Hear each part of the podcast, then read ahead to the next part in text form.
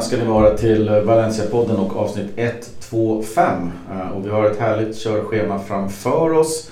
Och vi har eh, full rulle inne på eh, Svenska fans. Så missa inte att gå in där och läs inför, eh, inför match och eh, matchrapporter och någon liten nyhetsartikel och någon krönika här och var. Jag tror vi är uppe i 6-7 artiklar senaste 10-11 dagarna här. Så att, eh, Missa inte det. Valencia-nyheter och Valencia-artiklar på svenska. Det är inget som eh, man kanske är så himla bortskämd med. Så missa inte det nu när vi eh, eldar på där så att säga.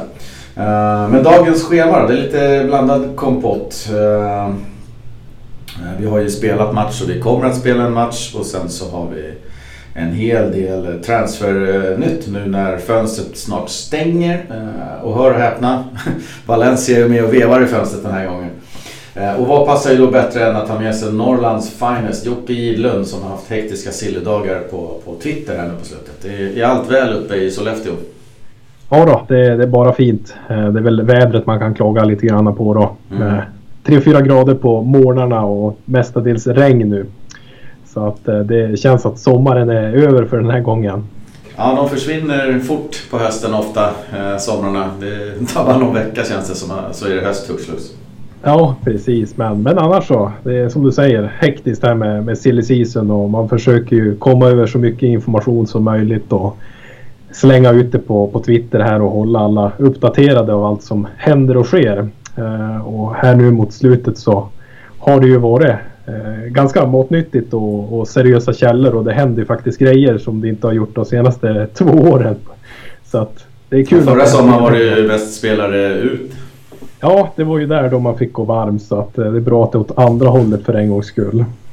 Ja, eh, vi kommer ju in på, på, på dem. Vi har ju ett eh, nyförvärv klart och sen så har vi några till eh, aktuella som är väldigt nära och sen så har vi några spelare ut som vi tänkte kika på. Men vi börjar väl med senaste matchen. Eh, vi river av den i början här. Eh, ni körde ju det senaste och tyckte det funkade. Eh, Granada-Valencia 1-1. Eh, Luis eh, Suarez 16 minuten för Granada och sen så hade vi Carlos Soler 86. Det slutade 1-1 eh, och det var väl en match som inte riktigt levde upp till förväntningarna. Man tänkte kan Valencia vinna hemma mot Getafe på det sättet med en man mindre hela matchen så, så ska det bli spännande att se vad, liksom, vad kan hända nere i Granada då. Men det, lagen skapar inte så värst mycket för att avgöra en sen i Valencia till slut en poäng. Jag tyckte startelvan kändes väldigt eh, väntad. Och, och vi kan väl gå in på några småpunkter från matchen som, eh, som jag tog med mig så får du svara på dem lite på uppstuds här. Eh, bytena? Eh, frågetecken. vad, vad, vad var de? Eh, bänken? Lite konstiga namn där. Bordalas byter ju då in Vallejo i underläge istället för Guedes. Eh, som väl inte gjorde någon toppmatch men det, det, gjorde faktiskt ingen annan heller så att jag, jag vill inte peka ut Guedes som sämst eh, och därav bytet då. Men in, eh, någon, någon som jagade lite och pressade lite för att få tag i bollen kanske då. Sen händer det liksom ingenting först på övertid när det står 1-1. Då gör Bardalas två byten, Diakabi in och Jason in och ser ut att gå för en bussparkering. Vad säger vi om bytena och, och, och bänken och startelvan då kanske? Ja, om vi börjar med, med Guedes där så var jag också förvånad som jag tror du är också. Mm. Eh, jag tycker ändå han är en utav få som skapar ju möjligheter. Han har ju en två, tre skott på mål den här matchen. Eh, som, där han nästan tar sig till lägena på egen hand. Så att eh, om det skulle hända någonting offensivt så kändes det ju som att det var Guedes som skulle göra det. För Maxi kan vi väl återkomma till där för han var ju helt, helt under isen. Ja men i, speciellt i och med att Guedes på ett helt annat sätt skapar ju chanser åt sig själv och åt andra. Manu Vallejo måste ju bli serverad mer ja. av någon annan. Och vi, Maxi serverar inte så jäkla mycket och, och, vi hade ju svårt att servera folk i chanser. Då behöver du verkligen en Guedes som på egen hand kan vika in och avlossa. Liksom. Så att, ah, Märkligt byte, men det var ett forwardbyte rakt av. Ja, men det känns ju som att eh, just när vi kör med Carlos Soler också på, på en kant och inte centralt så är Guedes eh, den absolut viktigaste på plan när det kommer till det offensiva spelet. Eh, det som du säger att han serverar ju även andra mm. och skapar lägen själv. Eh, vi har ju inte direkt en eh, vass som sätter någon i något friläge eller Rashis med någon vidare blick för spelet att eh, komma med något offensivt när det gäller passningsväg eller att skapa chanser åt andra. Mm. Så byta ut Guedes i det fallet, ja men då känns det som att ja, nu, nu ger vi upp så att säga den här matchen. Lite av den känslan fick man ju. Det spetsar ju inte riktigt till det liksom. Nej. Dels så är ju bänken tom på, på, på kvalitet skulle jag säga när man tittar på det. Men och så här, ska någon in så är det väl Manu Vallejo. Men då tänkte jag, fan är det Gedes verkligen som ska ut när Maxi springer omkring med, med ett öga och så vidare? Ja, men då, då, känns det ju mer rimligt att man tar ut en, en av ytterspringarna då, eller plockar av en central typ vass till exempel och, och få in eh, Carlos Soler centralt och sen då skicka ut Guedes på en kant då, för han kan ju fortfarande skapa grejer där ute. Mm. Eh, så i alla fall så att man både har Maxi Vallejo där uppe och och ändå fröjdigt på kanten. Nej, men det, det var väldigt märkliga byten rakt igenom men det är lite som du säger att bänken är ju tom. Eh, som jag skrev i artikeln här också att en, en blind Maxi Gomes går före en Ruben Sobrino och så vidare. Säger ju en hel del av Bordalas förtroende för det material som finns på bänken i dagsläget. Ja, de som blev sittandes på bänken var ju Sobrino och Sillisen då självklart. Jesus Vasquez, vänsterback. Koba Koindredi, väldigt ung och Joseda. Ja, så att eh, det är inte direkt som man jublar över namnen som kommer in heller. I, så att eh, nej, det är oerhört, oerhört tunt. Eh, så jag vet riktigt om man skulle ha krävt mer liksom från Bordalas i spelet så. Men det är väl bytet där av Guedes som går absolut att ifrågasätta i alla fall. Ja, och eh, som sagt det säger väl mer om bänken egentligen. Ja. Vad Bordalas ser när han tittar på sin bänk. Att han inte gör något annat byte. Nej. Eh, om man ska gå vidare i planen så tycker jag Gaia återigen gör en, en dålig insats. Eh, visst, han ordnar den här uh, diffusa straffen. Mm.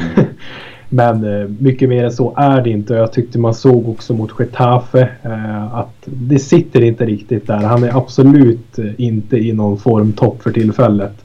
Slår bort mycket enkla passningar igen. Eh, är sen in i duellerna. Han ska ha glad att han inte åkte på ett gult den här matchen också.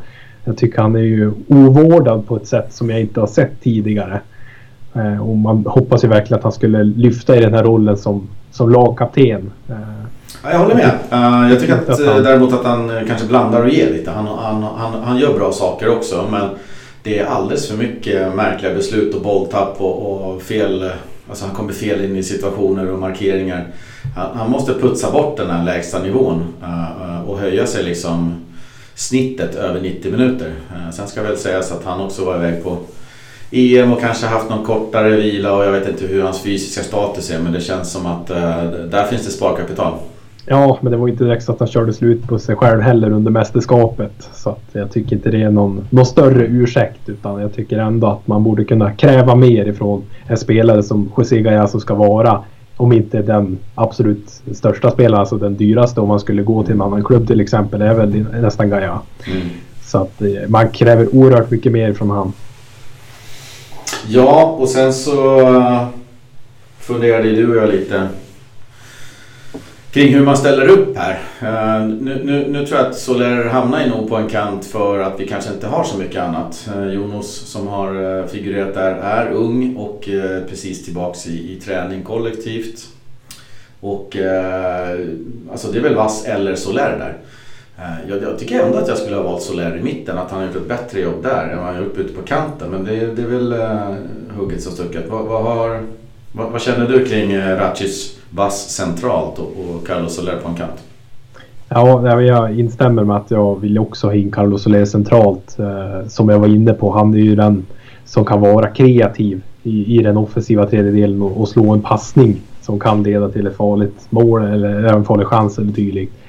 Han får inte ut av det samma sätt när han spelar på en kant. Eh, han har ju inte heller direkt något eget djupledsspel. Han är ju inte den kvickaste fotbollsspelaren. Mm. Eh, förut, om vi tar ett undantag då så är det väl Copa del Rey-finalen då mot eh, Barcelona när han sprintar förbi Jordi Alba. Mm. Eh, det är väl den enda maxlöpning jag sett han ta så att säga som ytterspringare. Eh, nej, jag tycker absolut det ska bli intressant när vi kommer ner här på nyförvärven och pratar lite mer om vad till exempel en Keita Balde skulle kunna göra för det här Valencia. Mm. För Carlos Soler in centralt nu när vi inte har någon vidare bredd. Det är nästan ett måste i mina ögon. Ja, och, och det är ju lite så med Carlos Soler och eh, Valencias eh, centrala mittfält. Jag, jag tycker inte att han än så länge när han har fått de eh, ja, få chanser, ska man väl säga, genom åren som han har fått visat liksom någon toppnivå. Men för att han ska kunna göra det så måste han ju få chansen centralt. Han kan inte hoppa runt på, på alla möjliga olika platser eh, och täcka upp och sådär. Det är väl lite hans story of his life tänkte jag säga. Ja. Att han hela tiden får, får spela på platser som inte eh, är det som, eh, som han liksom hade som eh, favoritplats när han kom upp eh, genom eh, de egna leden och tog sig in i laget. Sen har han liksom under Marcelino skolats om liksom till en högermittfältare och jag tycker att han gör det bra där.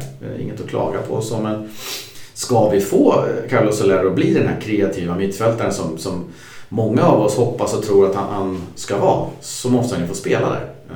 Inte flyttas ut på en kant på grund av Vass eller Racic. Nu kan det också vara på grund av att det inte fanns någon annan att köra på högerkanten men jag tycker ändå att Vass skulle ha spelat där ute. Ja, nej, men det är ju en supergrej att ha i, i sin verktygslåda. Att man har möjlighet att eh, spela Carlos Soler på en kant om man skulle behöva. Mm. Att han är kompatibel på det sättet. Eh, men precis som du är inne på, eh, han behöver ju ha kontinuitet. Man måste ju bestämma sig. Men var, vart ska Carlos Soler spela? Och, och satsa på honom där i sådana fall. Ge han ett hundraprocentigt förtroende. Liksom nu, nu har han nummer 10 på ryggen och en av de bäst betalda spelarna i laget. Så att, och ändå så vet man inte riktigt vart man har honom positionsmässigt. Nej, jag kan förstå förut med konkurrensen när vi liksom ja. hade en Kodobia, eh, Coquelin och, och all, alltid denna Parejo he, hela Carlos Soleres karriär. Det, det är svårt att, att konkurrera ut Parejo, så, så är det ja, bara. Uh, nu är inte de där. Nu heter konkurrenterna Racic, uh, Jason och Escuerdo och Vass. Ja, det var exakt det jag skulle gå vidare på. Eh, just med konkurrenssituationen idag kontra när han kom fram mm. och under Marcelino och så vidare. Ja, men hur många spelare ska vi sälja centralt för att han ska bli första valet? Exakt. När kommer den tiden så att säga? Hur lågt ska vi sjunka?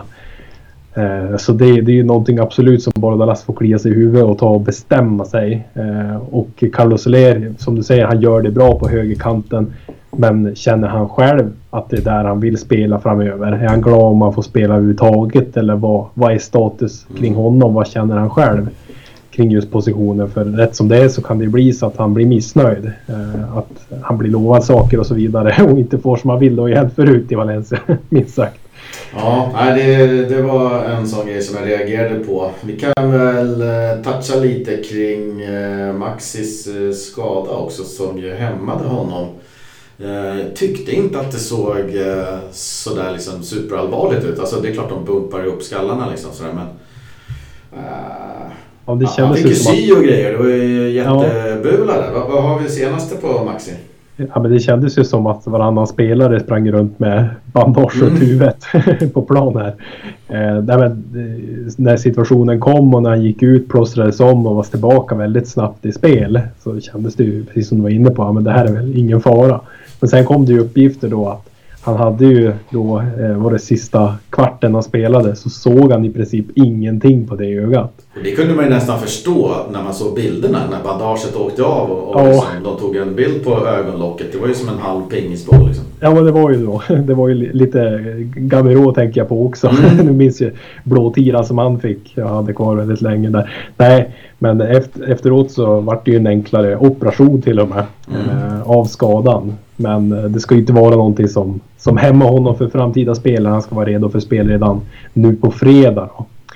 Men eh, det är ju anmärkningsvärt att eh, han ändå springer runt där halvblind liksom på plan. ja, han hade ju en del lägen också. Så kan man ju tänka sig, ja visst, en, en Maxim med två ögon kanske Alltså det tar ju lite fokus också och, och, att ha det sådär, det är inte helt uh, optimalt så att säga. Så att, visst, jag förstår honom också att liksom, han kanske inte visar upp sin bästa sida. Men han har inte gjort det på ett halvår, ett år känns det som. Så att, uh, Nej, det spelar skadad eller ej, det är dags för honom Nej. att hitta in i målstimmet. Ja men det gör det. det. det. ska han ha liksom. Det, det, är ju att han ändå krigar sig igenom matchen här och så mm. vidare. Sen om det kanske är dumdristigt, han kanske borde själv ha, har sagt att det, det är läge att, gå av så att säga eller att Bordalas skulle ha fattat det beslutet tidigare under matchen. Men han ska ju ändå ha att han, han biter ihop och kör så att mm. säga. Ja, det var Max i det och det var en pinne mot Granada. Eh, och Valencia står ju då på fyra poäng. Eh, vilket jag, jag tycker det är eh, helt okej okay efter två första. Men, men det, det vänder ju snabbt till dåligt om vi förlorar mot Alaves. För då har vi fyra av första nio. Ja, men sen ska ju sägas också att det höll ju på att bli förlust här också. Ja, det var ju en, en handsituation ifrån. Eh, där släk, släkten är värst brukar man säga. Det är Montero där som, eh, som har spelat i, i Valencia tidigare då knoppade upp den i nättaket så vart man ju oerhört frustrerad. Men man vart ju gladare därefter att det vart vinkat då därför handen. Som ja, tur var. Straffen ska inte vara straff heller. Så. Nej, nej, vi ska vara glada att vi kommer härifrån med en pinne. Det är ingen som behöver reva någon statistik kring hur många VAR-situationer Valencia fått emot sig eh, nu. För nu har vi två jäkligt billiga straffar med oss. Hade, hade vi åkt på någon av de här straffarna, nu vet jag att ni tyckte att det var en, en klar straff för Valencia förra gången. Men hade vi åkt på någon av de här straffarna mot oss, då hade alla varit galna. Ja, jo, men så är det. Så är det faktiskt. Man är ju hyfsat färgad i det ämnet. Så är det. det är helt okej. Okay. Nej, så att, eh, vi, vi, tar med oss den poängen och liksom, det är en bra start. Uh, fyra poäng är klart, klart godkänt tycker jag. Nu har inte motståndet varit det bästa, men, men ändå. Sett till att vi var tio man i hela förra matchen, eller första matchen. Så att, uh, vinst i nästa, så då ser det riktigt bra ut. Då är det sju ja. av nio. Då, då jäklar. Då blir det Champions League. Eller hur? det räcker ju att titta på vår bänk för att förstå att det, det här är väldigt Eh, det, det är fragilt i, i kanterna. Eh, ja. Ett par skador, då spelar ju Jason från start. Ja, jag slår vad om att han lyssnar på den jävla hymnen på väg till, till träningsanläggningen varje morgon. Nej, så att det, det, visst, vi har ett bra, bra elva på benen men, men det, det, är tunt där bakom. Och, eh, det för oss väl in då egentligen på spelare in och ut. Det här är ju din hemmaplan så vi börjar väl med spelaren in. Marcos André eh, de Sosa till och med. Uh, här har vi en kille som uh, Bordalas ska ha varit väldigt uh, intresserad av och uh, det här är en, en Bordalas-värvning om jag har förstått det hela rätt. Då. det är en kille som kommer från Brasilien, har väl 24 år på nacken och nä, nästintill utan meriter ska sägas. Kom till Celta, eh, Celta B men eh, lånades direkt ut, harvat runt Segunda B-nivå. Eh, plockades väl in av Valladolid B.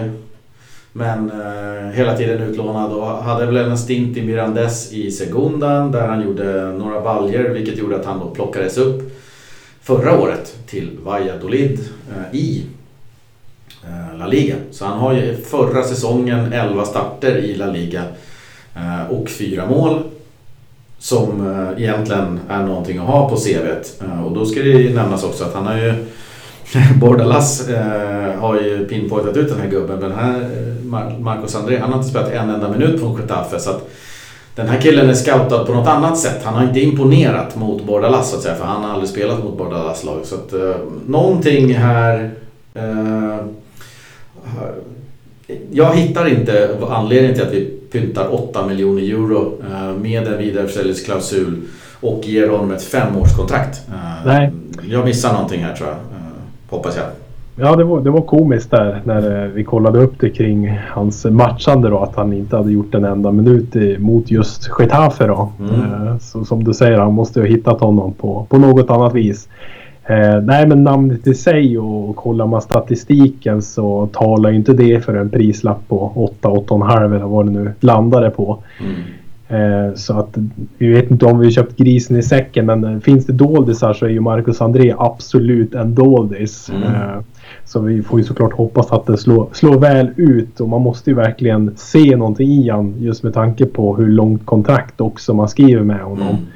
Uh, nu när det pratades om backup-planer liksom till Marcus André så kände man ju att ja, men det är ju mer etablerade namn. Ja. Vi hade ju William José, eh, Loren till exempel. Eh, och så var det någon, någon gubbe till också, Carriere bland annat. Eh, det är ju ändå spelare som har visat upp sig på den absolut högsta nivån i flera säsonger. Mm. Eh, så att de skulle vara backup då till Marcus André, det måste ju verkligen säga någonting att de, de ser ju verkligen någonting i honom. Eh, som inte vi vet om såklart. Ja, och det har varit en seg förhandling också där, där Valencia ja. klev in någonstans runt fyra och Valladolid har ju vägrat släppa den här ja, inhopparen förra året, eh, bänkspelaren som, som ändå fick 11 starter liksom. Uh, och, och, verkligen eh, krigat och Valencia har ju höjt sitt bud och höjt sitt bud. Och det hela, uh, alltså Valladolid har ju hela tiden inom situationstecken och vägrat släppa honom och det hela gick till slut igenom när spelaren med agentur klart och tydligt liksom markerade jag vill lämna för Valencia. Få, få det här att hända nu, alltså verkligen. Så han var ju lite tungan på vågen vad jag förstod i ja. förhandlingarna till slut. Men ja, Sen vet jag väl inte riktigt Valencias förhandlingsteknik i det här eh, är väl såklart också under all kritik. Vi vet ju vem som sitter vid det jävla förhandlingsbordet. Eh, om man då liksom ja, skyltar med att ja, det är Marcos André, liksom, vi ska ha honom. Det är liksom honom eller inget nästan. Det är mm. lite Arambarri där också så kan vi återkomma till lite samma situation där. Att man har ju snöat in sig så enormt mycket på en gubbe och det här kände ju Valladolid till såklart. Mm. Det här kan vi ju försöka kräma ut så mycket som möjligt. Ja, men William José liksom, det är ju det är ett stort namn ändå så att säga.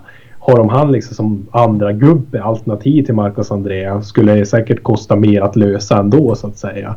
Mm. Eh, så där vet ju Valladolid också vad de gör för någonting. De, de är ju dumma i huvudet. ja, nej, nu tror jag att han passerade väl eh, läkarundersökningen idag. Jag har inte sett något officiellt än. Men han är, nej. Han är i Valencia. Det är inget officiellt än från klubben så att säga men vi har ju både, både rörligt och, och, och foton och så vidare så vi vet ju att han är på plats och har gjort medical och, och kommer såklart presenteras eh, antingen sent ikväll eller i, imorgon då. Förhoppningsvis när ni hör detta så är han presenterad. Eh, välkommen Marcos André, hoppas att du kan spetsa till vårt anfall. Eh, vi går vidare till Folkier som det har snackats rätt mycket om, en fransk eh, högerback som verkar vara ganska nära en övergång. Och här har vi lite det motsatta där eh, Granada, är det väl han tillhör, eh, inte alls stretar emot utan har sänkt sitt ursprungliga krav från 4 miljoner till 2 miljoner. Och säger vi ska bara hitta en ersättare, sen kan ni ta den här gubben. Ja, men det är lite, lite så som det har sett ut där. Att de verkar ju vara väldigt tillmötesgående. Eh, mm. Vilket också förvånar mig. Eh, han har ju ett kontrakt till 2023 så det är inte direkt så att det är någon panik ändå att eh, inbringa några slantar på honom. 28 år gammal, har ju ett gediget CV ändå med många säsonger både i Spanien och vart det svängt till, till England och, och även till Frankrike. Och det här är ju också en spelare som Bordalas känner till då. Till skillnad från Marcos André så känns ja. det här som en gubbe med på, på, på förhand liksom vad man kan se på, på La Liga-nivå. Så, så, är det. Uh, sen hade han ju en utlånad säsong då 18-19 till Getafe. Uh, 22 matcher då under Bordalas. Så att den här, den här gubben har ju Bordalas koll på och uh, även vi. Vi har ju även sett han huserat ett par säsonger här i Spanien. Förra matchen? Förra matchen bland annat eh, fanns han ju på plan där. Plockade väl gult också om jag inte minns fel. Mm. Eh, men det känns som att man, man vet vad man får. Alltså det är väl ett perfekt andra alternativ till Korea på högerbacken. Eh, om nu tanken är att vi inte får in någon mittfältare heller så kommer ju Vass absolut spela mest där. Så att det är väl där man ser behovet på en högerback istället för en mittfältare nu när det börjar rinna ut i sanden som det ser ut. Spontant känns det som att den, eh, det är en gubbe som löser andra fiolen där på högerbacken eh, på, på ett bra sätt. Ja, ja, men känslan är så. Uh, skadar ju inte heller att det är en landsman för Guadalupe. Guadalupe. så att uh, vi har ju en historia där i alla fall med en viss Angloma också som var landsman för Guadalupe. Så når han hans nivå, ja men då, då är det väl bara att buga och bocka sig. Ja, då, då är det bra värvat. Då är det väldigt bra värvat. Uh, vi kikar vidare på det kanske hetaste namnet då efter Marcos André. Oj, ramlar av stolen eller? Ja, nästan som var mobilen här som for i, i golvet. okay. vi, vi, tar med det. Blodet kokar när jag nämner namnet Keita Balde kanske. Ja, eh, men det är en gubbe från eh, Monaco eh, som eh, också har varit runt en del. Och, och det, det, var ju honom vi pratade lite grann om innan och, och touchade kanske tidigare i podden också att han det kanske är han vi behöver ha in på högerflanken för det är ju en högerspringare alternativt lite vikarie upp i anfallet. Eh, det är kanske han vi behöver ha in tillsammans med Jonas Musa på högerkanten för att få in eh, Carlos Soler centralt. Ja, det, det, är den spontana känslan på förhand. Eh, kollar man lite statistik kring eh, Keita Balde, ja, men vilken position han används i då. Mm. Eh, kollar du då upp eh, senast nu då i, i Sampdoria.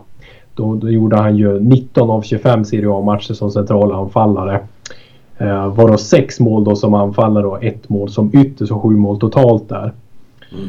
Eh, kollar vi lite längre tillbaka, hans bästa säsong eh, 16-17, då tillhörde han väl Lazio. Eh, då var det 16 mål då på 31 matcher eh, och varav fyra då som central anfallare. Mm. Så att han har ju ändå gått mer ifrån, ja men i tidig ung ålder så att säga och när han gjorde sådär många mål också var ju största delen så från ett eh, yttermittfält. Mm. Medan senare nu har han använt mer som central anfallare. Men jag tror ju att det här är ju ett sätt att eh, frigöra eh, kanten där. Att man verkligen får in, jag menar att man har en Keita Balde som du kan använda på kant på, på högerkanten och få in Carlos Soler centralt. Eh, även där liksom, ja, men, i det här eh, uh, Arabarri-ärendet att vi inte lyckas få in någon central mittfältare som Bordalas vill ha. Ja men då får vi kolla på andra positioner för att kunna få in Carlos Soler centralt. Det är vad jag tror. Ja, eh, det ligger väldigt nära till hands och, och tror att det är så det ligger till. Eh, jag tänkte på eh, prislappen där. Det var ju en gubbe som väl fick sitt genombrott i Lazio med dryga 100 matcher och, och då köpte ju Monaco honom 2017 för 30 miljoner euro. Nu kan det ju mycket väl så att, vara så att Monaco hade lite fina miljoner på kontot att göra av med i och med att de har sålt en en hel del högkaratiga spelare. Men 30 miljoner euro för fyra år sedan för Keita Balde, det är rätt mycket pengar. Vad, vad, vad snackar vi om för pengar nu? Eh, jag vet att Valencia har ju slängt in fan och hans moster i den här dealen med Kangin och ja, alla möjliga. Försökt att lösa det på bästa sätt men som det ser ut och vad rapporterna säger så kommer han ju komma på ett lån. Mm. Med då en vidareförsäljningsklausul i och med att hans kontrakt går ju ut också nästa sommar. Så är det lite så här, ja, kan han lämna som free agent då så att säga eh, till Valencia? Ja, riktigt så enkelt ska ju inte Monaco göra det. Så att de försöker ju komma överens om en, en, en, en procent helt enkelt. Så när han är Valencia-ägd så att säga, om han då går på en free transfer så kommer de få en kaka om, om vi försäljer honom då. Okej, okay, så det här är en gratis det kan bli så att det blir en gratis. Sen sitter han ju på en väldigt hög lön, eh, 4 miljoner euro om året. Eh, och det är där då man har stött på lite patrull. Men eh, enligt de senaste uppgifterna som man har läst då från eh, Mohammed på RCM Sport. Som har varit liksom den drivande på deras Twitter också i Keita Balde-frågan som placerade honom i Valencia också från första början. Så ska det ju vara så att han kommer att anlända till Valencia på måndag och de här komplikationerna kring kontraktet kommer att lösas. Det är liksom små detaljer kvar som, som återstår bara. Så det här kan bli, absolut bli ja, men, kanske Anne Mörtis bästa värvning någonsin. ja, verkligen. Uh, måndag, tisdag slänger fönstret igen ja. Precis.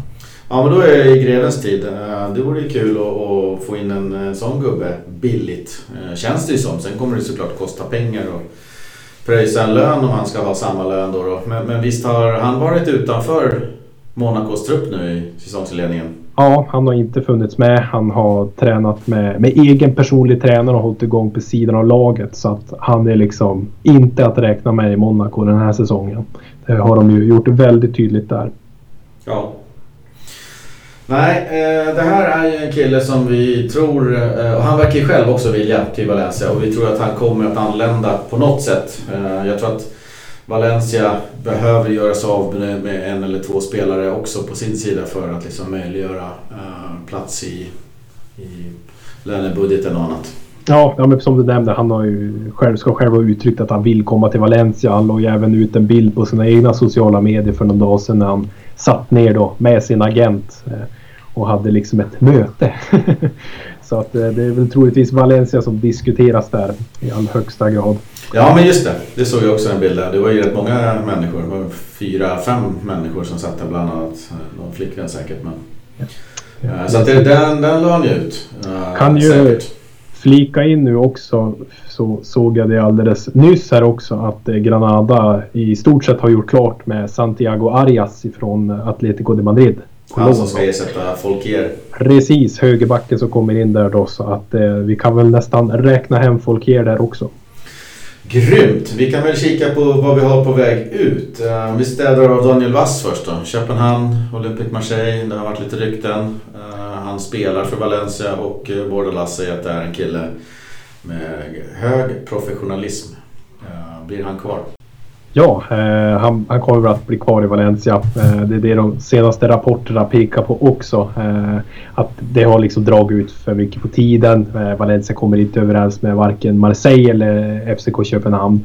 Så att eh, som det ser ut just nu så kommer han att fullfölja sitt kontrakt eh, och lämna gratis nästa sommar istället.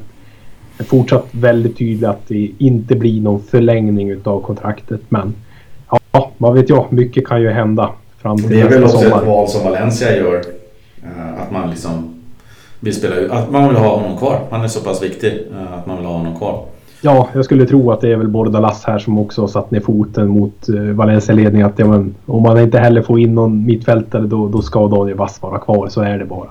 Mm. och som det har sett ut, när, dels med förtroendet som man har fått men också rapporterna som var precis inför Getafe-matchen så verkar ju Bordalas och Vass komma bra överens. Så, ja, det verkar inte alls vara några nå, nå konstigheter där. Utan det är professionalism som gäller från, från Daniel Wass i, i fortsättningen här så vi hoppas att eh, vi kanske kan lösa den där kontraktsförlängningen framöver.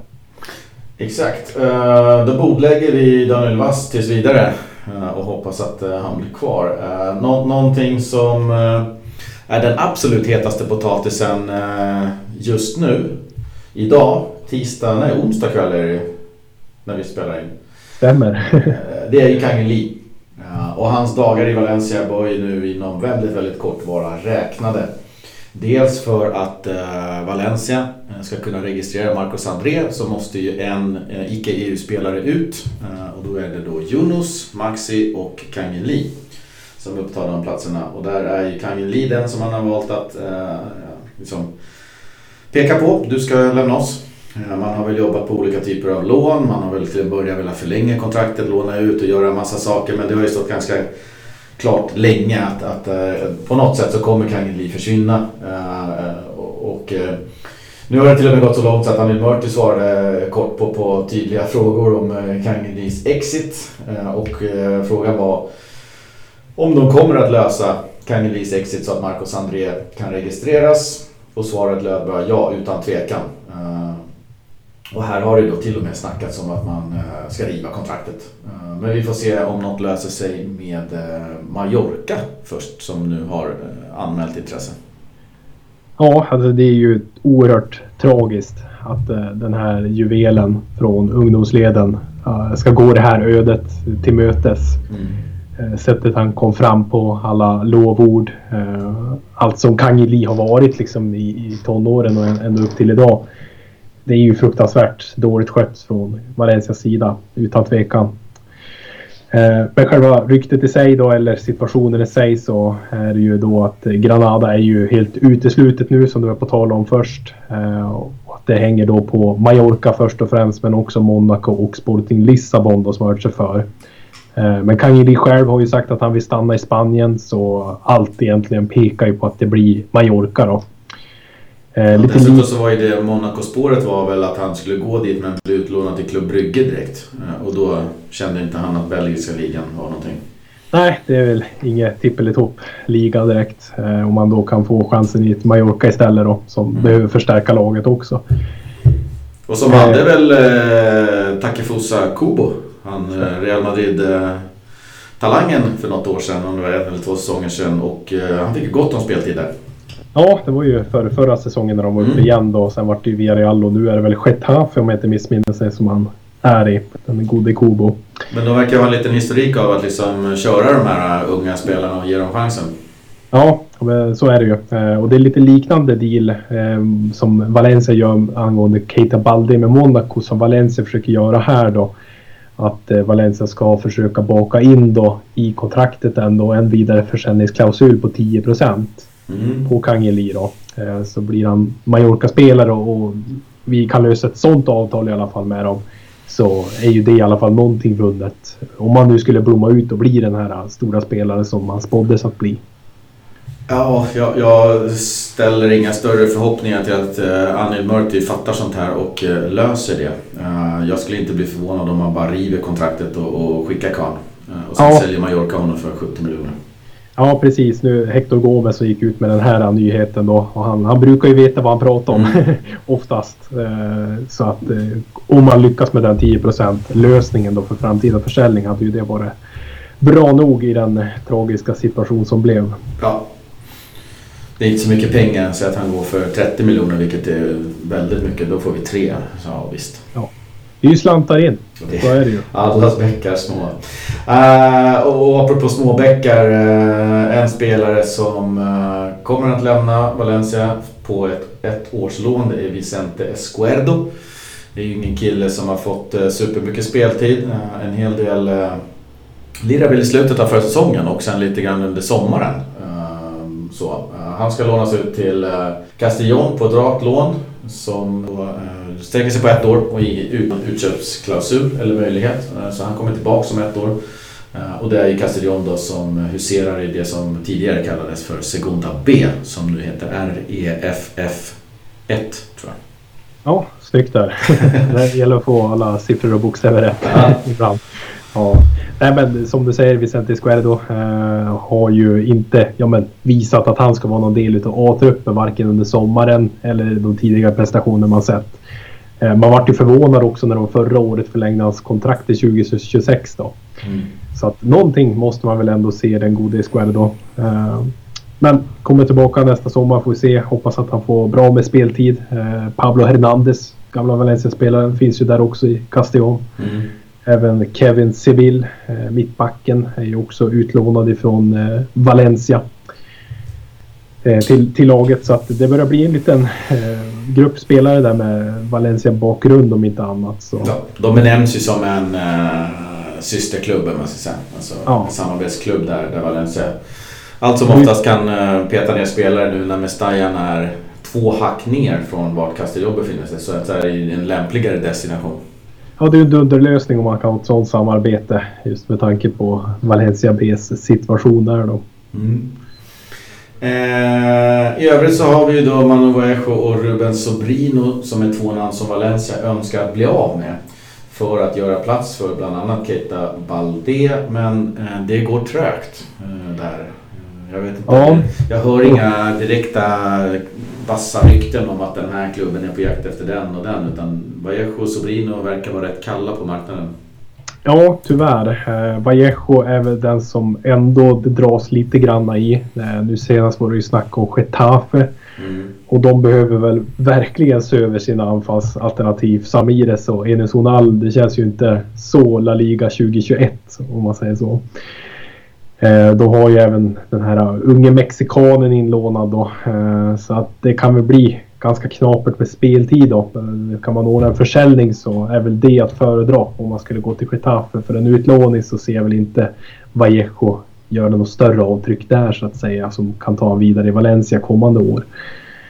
Eh, Sobrino, då är det ju Cadiz som är en följetong. Mm. Det uppdateras väl att de vill ha honom kanske typ en gång varannan vecka eller något sånt där. Men det verkar ju inte kunna bli av. Eh, skulle tro att eh, han, vi ser honom då som Cadiz-spelaren på deadline day. Det är mitt tips. Ja, det, eh, alltså, det är en ohållbar situation. Nu lyckas han ju göra något inhopp här och något inhopp där vilket ju förvånar mig enormt. Men finns det, finns det en klubb eh, som Cadiz i La Liga som vill ha honom så, så borde, det, borde det ju vara liksom en prioritet för Sobrin också att komma iväg och få spela lite fotboll. Ja, det, det, tycker man ju att man borde prioritera. Att få spela boll som fotbollsspelare. Mm. Uh, en annan som det är oerhört tyst om som man vill ha ut är ju Jason. Just det. Det är knäpptyst. Förstår ja. inte liksom. Det är ju Messi-nivå på grabben. Förstår ja, inte varför inte Real Madrid liksom. Han har i alla fall fått speltid. Mbappé nu liksom. Eller måste ersätta Hazard. Det är ju bara ta Jason. Mm, han har ju fått speltid och, och liksom, han har ju ett CV att han spelar i Valencia. Sen är det väl till hans nackdel att han har spelat så att folk vet hur dålig är kanske. Ja, exakt. Det var bättre att ha honom uppe på läktaren. Nej, jag vet inte. Men, men det, är, det är liksom peanuts. Men samtidigt så måste man bli av med, med dem för att frigöra lite plats i olika typer av budgetar för spelare. Precis. Och kan i viss fall så handlar det om att man... Kan väl också slå fast där angående eh, Mokhtar Diakaby så Just var det ju lite snack om West Ham där eh, tidigt på fönstret. Eh, 20 miljoner euro skrevs det ju om. Hugg. Ja, det är ju liksom bara ta det. Men eh, det är samma där, det är iskallt ifrån eh, London så att eh, det lär nog inte hända någonting kring Diakaby så han ser ut att bli kvar han också. Ja, nu tog jag två jordnötter här kom på att det var en ytterst dålig idé. Det är lite som det här misstaget att ha is i vattenglaset man sitter och spelar in också. Kli- Klirrar liksom. Om man kommer på sig ibland att det var inte så smart. Ja, nej. Jag får låta jordnötsskålen stå här. Eh, vi går in på Anil Mörter då. Annars vår favorit. Han har ju haft ett hektiska dagar här på slutet. Dels så är han ju inblandad då i spelare in och ut tillsammans med sportchef, eller nåja, Miguel Angel Corona. Eh, sen har han ju lämnat in lite nya papper till, till stadshuset i jakten på att eh, ytterligare förhala det här byggtillståndet då på Nomestaya och man skyller då på att det är Valencia stad och, och sådär som har missat en massa åtaganden som, som har gjort att eh, Anil Murti inte kan ställa grävskopor på marken och så vidare. Så det är samma trötta historia. Uh, den där följetongen fortsätter och vi lämnar den därhän. Eh, det han också har gjort det är ju att ha haft en eh, sista koll briefing avstämning med eh, Peter Lim kring status på transfermarknaden och det som kom ut där var väl att man uppdaterade honom om Kangin Lee-situationen. Och vi tycker väl alla att det är såklart trist men oj, oj, oj vad det måste svida för Peter Lim.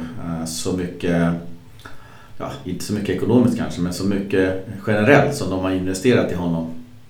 Ja, eh, till att börja med, gud vad skönt att slippa prata om Nomestalla. Ja, vad bra! Spola förbi det bara. Det lämnar vi där här. Jag bara, "Huh, gud vad skönt. Mm.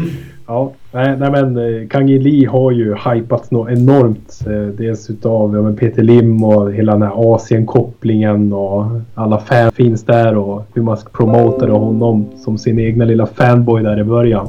Och Ja, att han kommer från eh, Helt akademin och... Ja. Och det, de tog väl till och med åt sig cred där om jag kommer ihåg rätt. Ja. Att det var de också som hade tagit honom till klubben. Alltså vänta nu, han, han fanns ju redan när ni köpte klubben. Mm. Ja, nej såklart eh, när man nu kastar honom under bussen som man verkligen gör. Att man bara pekar på honom. Det, det är du som ska lämna för vi ska signa en segunda anfallare här faktiskt.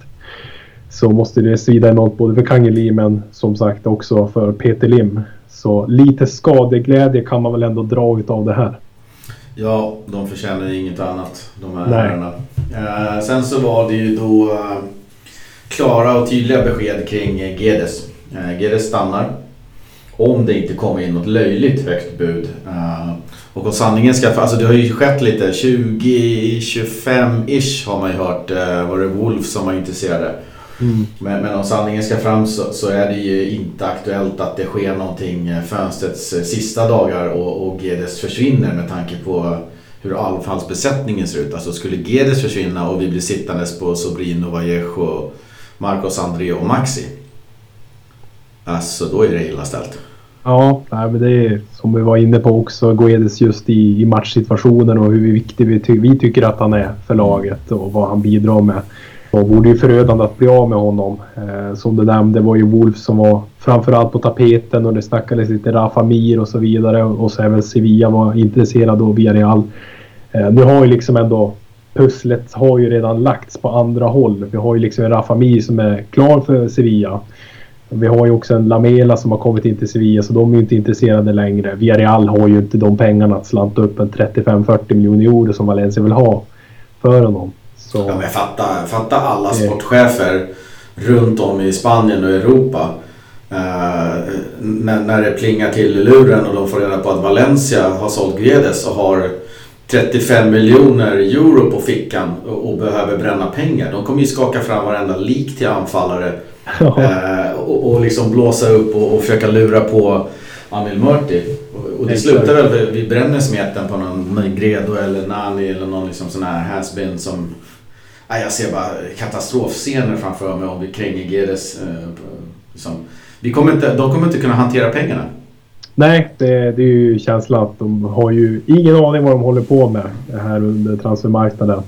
det som oroar mig lite grann det är väl eh, just den här effekten som kan bli liksom när spelare byter klubbar. Det är ju nu då med Adama Traoré som eh, är på gång till Spurs.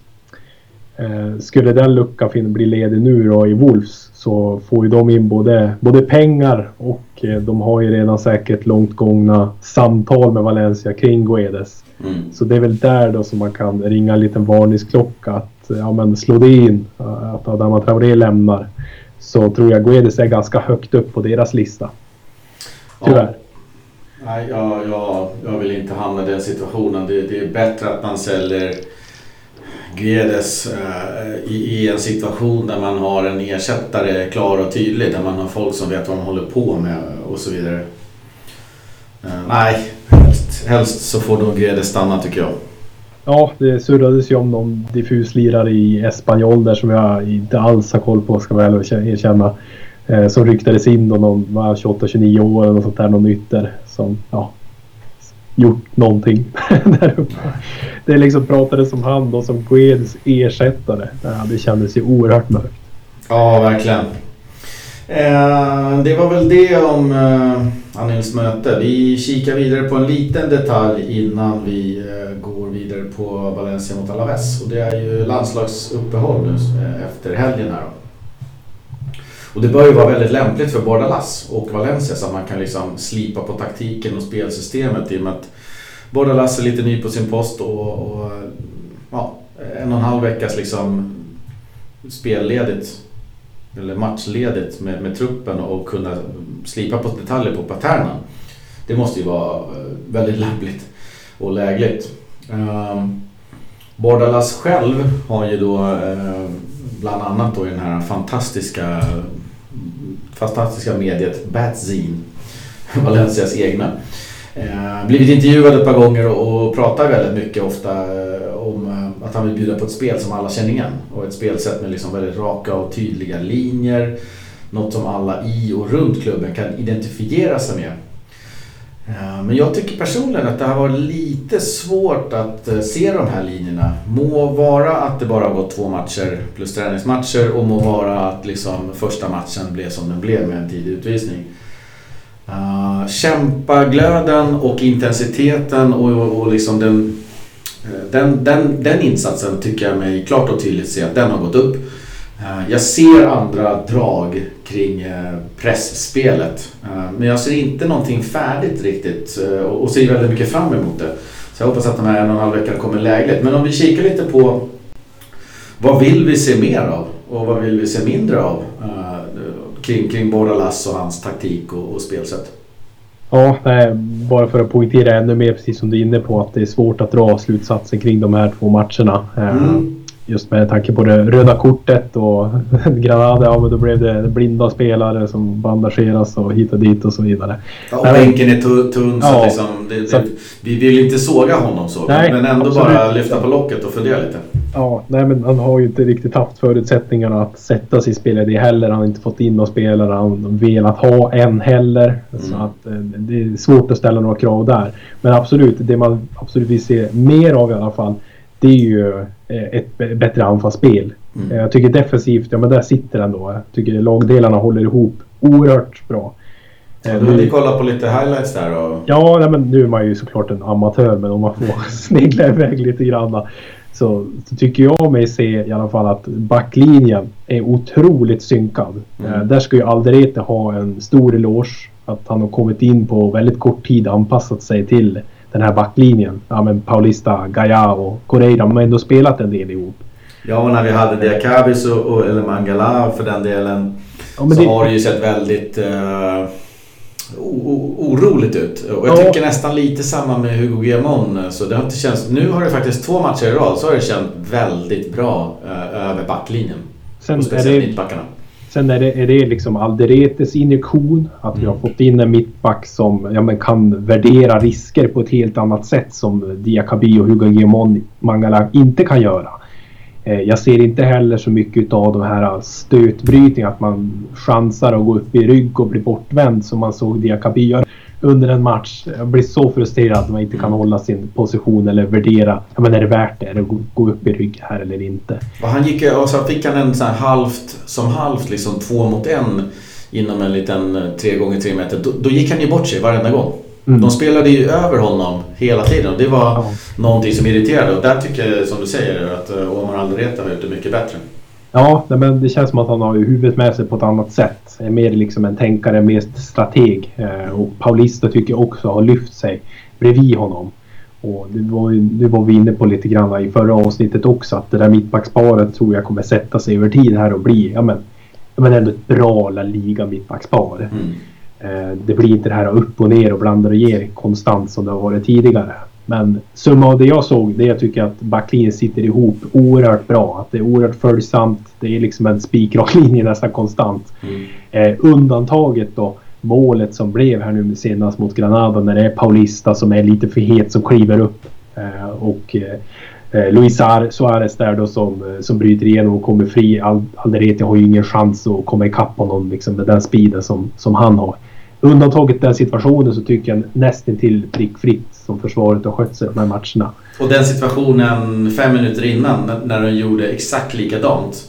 Men det var ju bara centimeter från att, att det blev en målchans då också. Det var ju det som var så frustrerande att de gjorde ja. samma grej två gånger.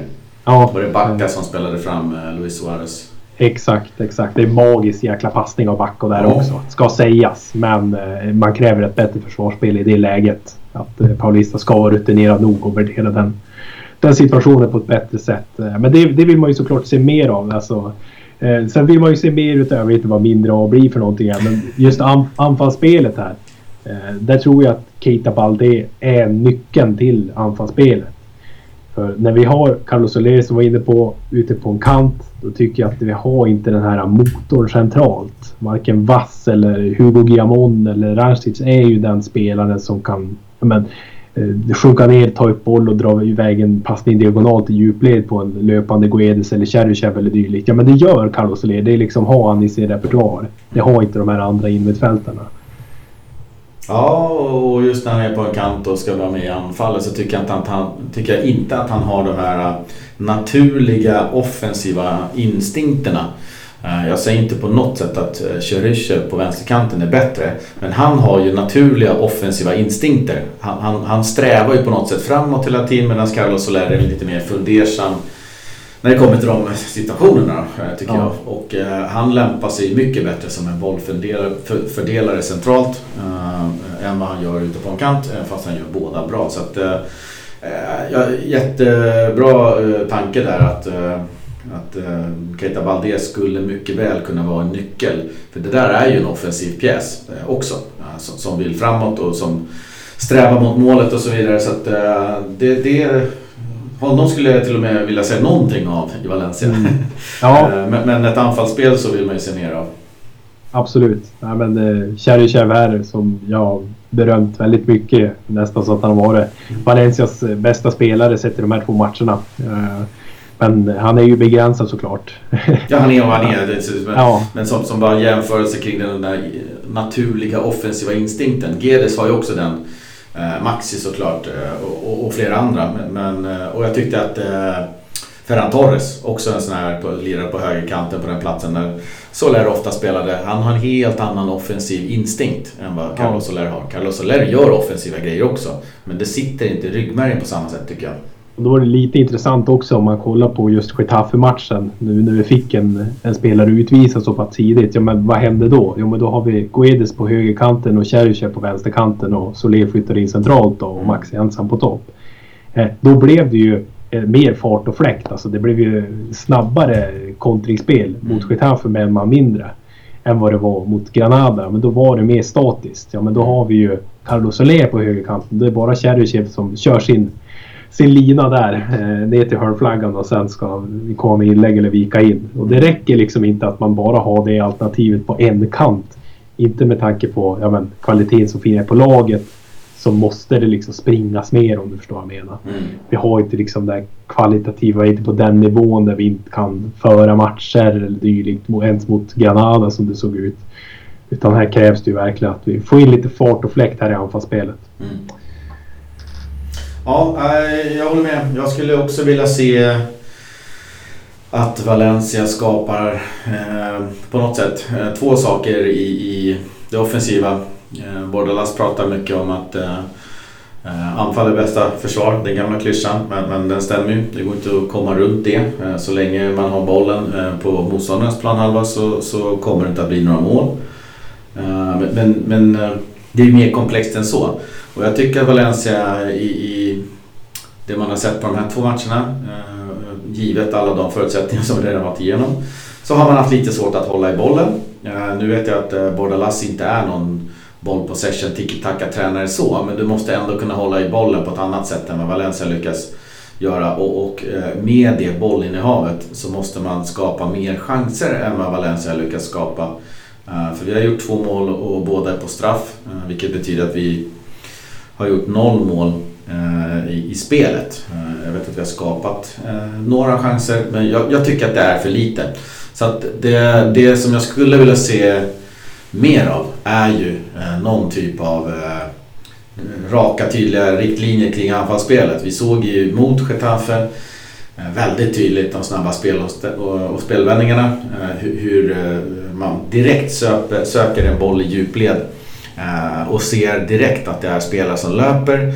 Jag såg mycket mindre av det mot Granada. Eh, om det var medvetet eller inte vet jag inte. Eh, så att det liksom, nej, känslan är att han inte har satt det offensiva Bordalas än. Och, jag ger honom mer tid än så för det har gått för lite och det har varit struligt då. Han saknar spelare i truppen och så vidare. Men där känner jag att eh, hmm, utan de här billiga straffarna så då är, är vi inte så värst nöjda.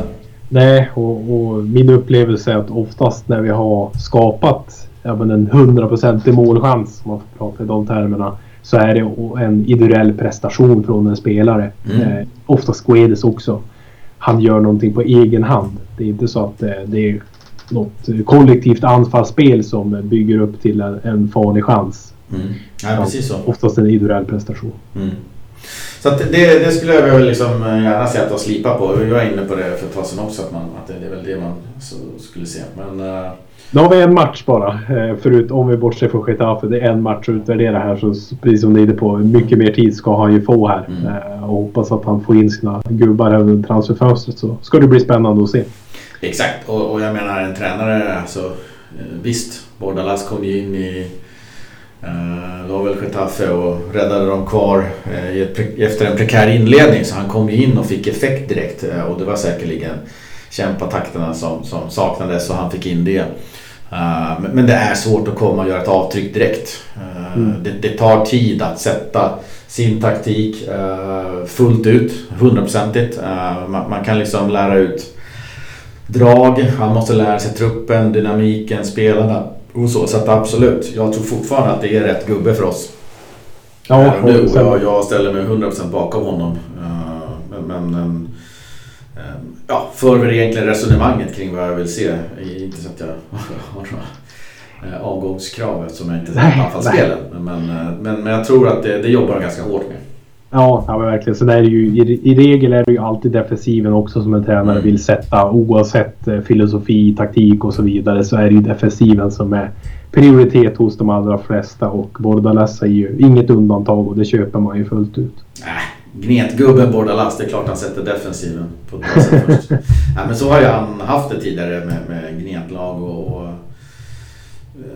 liksom så här, hårda tuffa tillställningar där man liksom smash and grabbar poäng och, och gör det jobbigt för dem. Och, det är jätteviktigt att Valencia har det. Men ja, också med de spelarna som man har, alltså Maxi, Guedes eh, inte minst, så, måste man eh, framöver hitta målet och skapa mer offensivt tycker jag. Jajamän.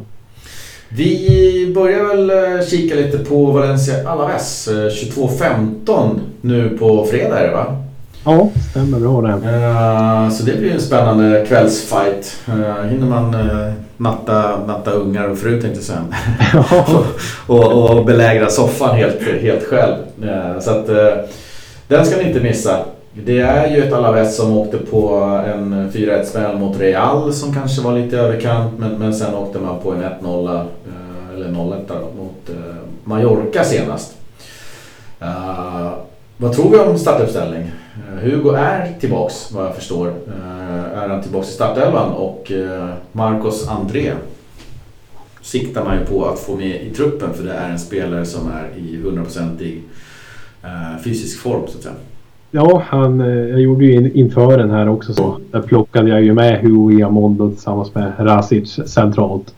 Eh, så jag tror ju att man kommer vilja köra på något liknande eh, som man tänkte göra mot Getafe. Att han ändå vill testa det. Eh, och det är ju lite liknande motstånd nu. Getafe är väl ensamma också men det är ju inte det här Getafet som var förra säsongen under Borna Last. Det är ju inte det Getafe som är idag. Men eh, just Deportivo Alaves är ju lite benknäckargäng också under Javi Calleja så, så det är ju rätt hårda tag ifrån dem också. Så det är ett liknande motstånd. Det är där jag drar min slutsats eh, som mot Getafe. Så Hugo går nog in centralt tror jag. Men att det är Rasic istället för Vast och jag tycker Rasic har gjort det bra ändå. Eh, när han har kommit in och spelat här så jag tror att han petar Vass. Så du tror att Vass kommer att eh, starta på bänken?